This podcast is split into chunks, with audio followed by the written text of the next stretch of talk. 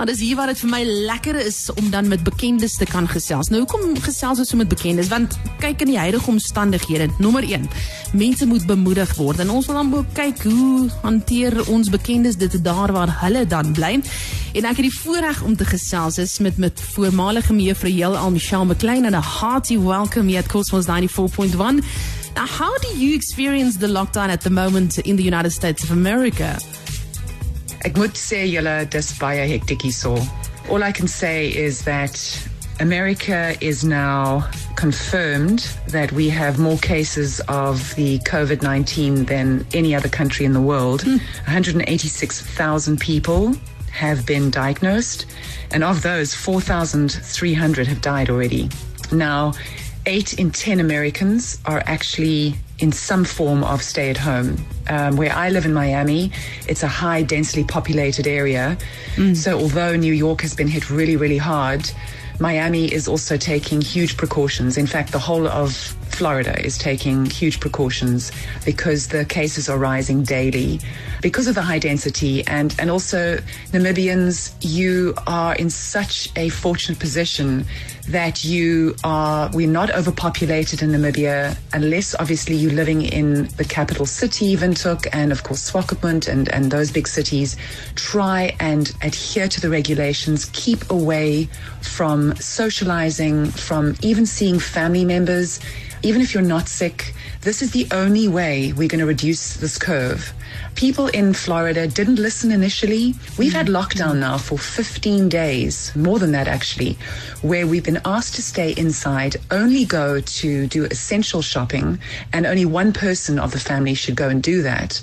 Even walking the dog, you know, you walk your dog, you go back inside. And it's reducing the curve slightly, but we didn't catch it soon enough. And mm. and I really have to take my hat off to our government in Namibia, to our president, President Hage Geingob, Your Excellency. You did a fantastic job in shutting down the country as soon as possible because you know it really is about nipping this in the bud and. Um, to reduce the the cases.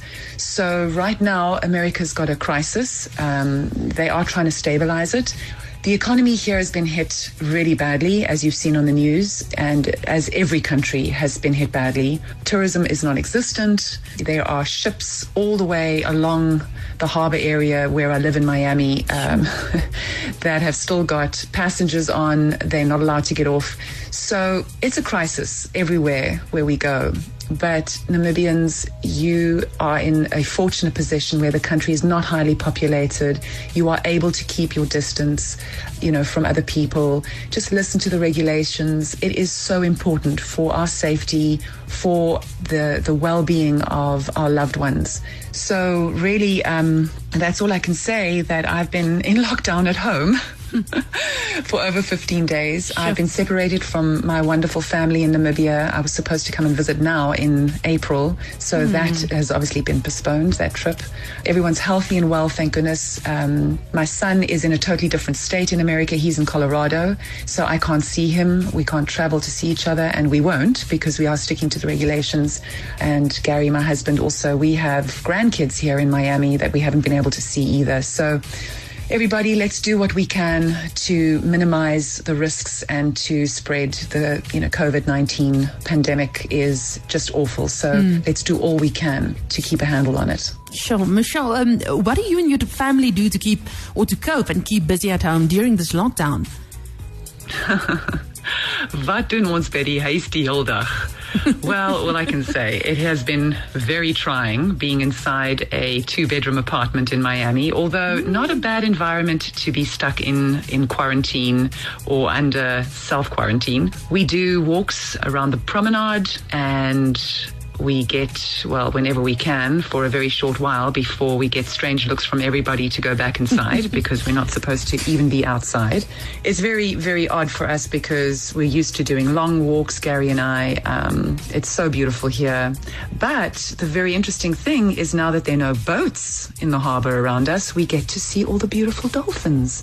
They've come out to play. Mm. It's absolutely spectacular. Wow. We still have great weather here because the sun is shining. What I've been doing is is really working strategically on how we are going to promote Africa's Finest Safaris, the new company that I've set up here in the USA, which is a marketing representation company. We are representing lodges in Namibia and tourism in Namibia and Namibia as a destination. So, although everything was dormant overnight with what happened, you know, the last couple of weeks, I'm very optimistic and working towards a strategy for the future for Africa's Finest Safaris in the next couple of months to revive itself, mm-hmm. to put a lot of effort into visiting agents here in America, getting out to the general public, and really educating people on how wonderful it is to be able to travel to Namibia as a safari destination.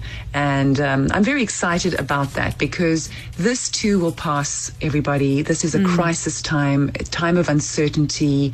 Many people are struggling, not only financially, but emotionally, psychologically, and and I am very, very aware of that. As a motivational speaker, you know, that is one of the topics I've always spoken on. And now, not just normal day challenges, but now this is a really big crisis, traumatic time in most people's lives. Mm, but yes. what I try and do is just try and approach every day with positivity and hope. Think about strategies and new ways in which the present can evolve itself into the future. I do a lot of visualization, a lot of reflection, because I do believe that hope and despair, these two feelings, thoughts, these two words can't coexist together. So you can't be in despair and at the same time have hope. So I wake up every day and I choose to be hopeful about the future. I know that this time of crisis will pass. And the most important thing is to work on new projects and to keep yourself busy and stimulated. We don't have any kids at home, so Gary and I spend a lot of time talking about ways in which our businesses can move forward in the future. We know we can't do anything now, so we don't get into a state of panic or um, anxiety about it. We just slowly every day start planning ahead um, and be realistic about it. Things that we can do. Um, you know, we realize and everybody knows that when you can't change certain things, there's, you know, rather focus on the things that you can change and the impact that you can make. And um, so I've been doing new courses in marketing to make sure that, you know, I, I look towards the, the future and market Africa's finest safaris and Namibia as a destination for tourism. So I'm honing my skills in that way. I've started an, an online talk show, a virtual talk show with a women's magazine. And so interviewing people every week to talk about positive ways in which we can approach our lives during this very uncertain time and this tumultuous time. So I just encourage everybody out there to try and do positive projects. If you've got family around you, spend this quality time with your family. Take this as this beautiful gift. Uh, they always say, and I know it's cliche, but the present is a present. Mm. So unwrap it, engulf yourself in the joy of being with your family, um, enjoy wonderful meals, times together, talk about things that you never would have had the opportunity to talk about um, if you didn't, you know, didn't have the time before. I've also started unpacking boxes and sorting through things, and it's wonderful to go through videos and and photographs and and think about the wonderful times you've had mm. with the mm. amazing friends mm. and family in your life, or the wonderful achievements that you've had in your business. Think about positive things and um, go and explore that and reflect on that. Those are the things that keep me busy right now, and I hope Namibia that you realize how wonderful we have. Uh, just an incredible, beautiful country, and it's gonna revive itself. And we all need to stand together in hope to be able to do this. Oh, absolutely. Um, maybe before we greet, a message from you to Namibians in these trying times. A boodskap on Namibia. To my fellow Namibians, let us be courageous in this time of uncertainty and compassionate to all of those around us. Let's find a way to give from our hearts. This is a time to be grateful for what we do have. Find the joy in every moment of our lives. Now is the time for us to reflect, regroup, and come back stronger than ever before. Namibia, my fellow Namibians, we can do this together. Oh, absolutely. Michelle, baie baie dankie. Dit is heerlik om jou te gesels en ook sterkte aan jou en jou familie daar in Miami. Dis dan uh, voormalige mevrou Jelal Michelle McLean Bailey.